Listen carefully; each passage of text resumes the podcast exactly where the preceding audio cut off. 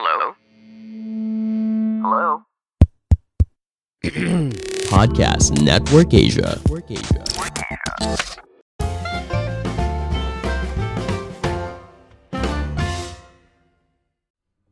Halo semuanya, kembali lagi bersama saya Madianto. Kali ini kita akan membahas tentang perbedaan sejahtera dan kaya raya. Kita bisa saja terkecoh.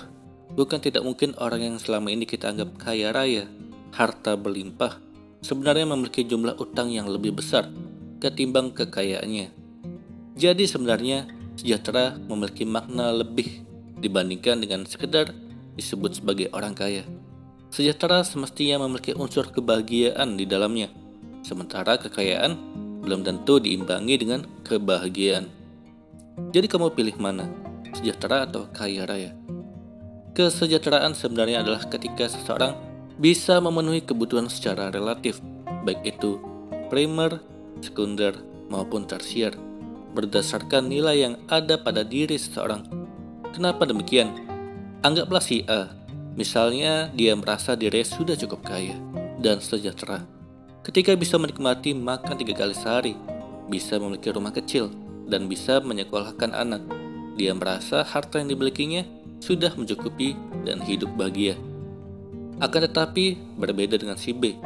Ia sudah memiliki rumah besar, mobil bagus, deposito di berbagai bank, dan kekayaan lainnya. Tapi dia melihat teman-temannya yang jauh lebih kaya ketimbang dirinya. Oleh karena itu, dia merasa belum sejahtera. Dari situasi tersebut, jelas bahwa besarnya harta tidak berbanding lurus dengan makna kesejahteraan secara relatif. Dengan kata lain, sejahtera sebenarnya dimulai dari konsep berpikir atau persepsi terhadap kesejahteraan itu sendiri. Jadi tidak mengherankan kalau si A merasa bahagia, sedangkan si B masih merasa sengsara. Makanya disebut sebagai nilai relatif. Lalu bagaimana agar tidak terjebak dalam suasana sebagaimana yang dialami oleh si B? Ada beberapa hal yang sebaiknya dicerna ulang, seperti berikut ini. Konsep sejahtera. Pertama, pahami dulu konsep kesejahteraan. Hal penting dalam memahami kesejahteraan adalah memutuskan arti kesejahteraan itu sendiri berdasarkan nilai pada diri kita masing-masing, bukan karena tetangga yang memiliki rumah lebih bagus atau mobil lebih banyak, maka kita anggap tetangga kita lebih sejahtera. Bukan itu maknanya, melainkan modal kesejahteraan seperti apa yang kita inginkan. Jadi kita tidak perlu melihat orang lain.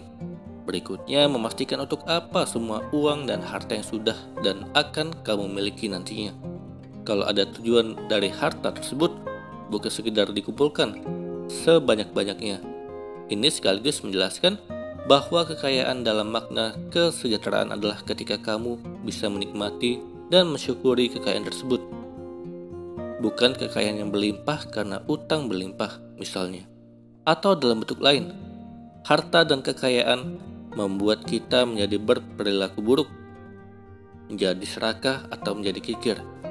Jadi kesimpulannya, definisikan dulu arti kesejahteraan secara seluas-luasnya, termasuk hubungan antara jumlah harta dan uang yang dimiliki atau diinginkan dengan kebahagiaan. Baru setelah itu bicara mengenai bagaimana mencapainya. Mendapatkan kesejahteraan. Untuk menjadi sejahtera, sebagaimana ukuran yang telah diputuskan oleh masing-masing individu, kamu terlebih dahulu harus mengetahui Seberapa jauh jarak kamu saat ini dengan tingkat kesejahteraan yang hendak kamu raih? Sebagai misal, dari sisi aset, saat ini kamu menyewa rumah dan kamu beranggapan untuk sejahtera, setidaknya kamu mesti memiliki rumah sendiri. Maka pertanyaan berikutnya adalah, rumah seperti apa yang ingin kamu miliki? Lalu berapa lama dari sekarang rumah tersebut dapat kamu miliki? Kemudian dari mana sumber pembiayaannya? Artinya ada rencana yang jelas, terukur, baik dari sisi waktu maupun sumber dananya. Jadi boleh-boleh saja kamu menambahkan apa saja, tetapi tidak boleh meninggalkan rasionalitas. Jangan sampai kamu terjebak pada kesejahteraan artifisial, memiliki aset bersumber dari utang, dan kemudian aset tersebut hilang karena kamu gagal melunasi utang. Kesejahteraan termasuk unsur kebahagiaan, bukan sekedar untuk dicapai, sesuai ukuran masing-masing. Ketika kesejahteraan itu sudah tercapai, Langkah berikutnya adalah bagaimana mempertahankan kesejahteraan tersebut. Ketika kekayaan meningkat, sebagian kalangan juga mengubah gaya hidup. pola pergaulan, dan tingkat konsumsi. Perubahan itu hakikatnya menjadikan biaya hidup semakin mahal.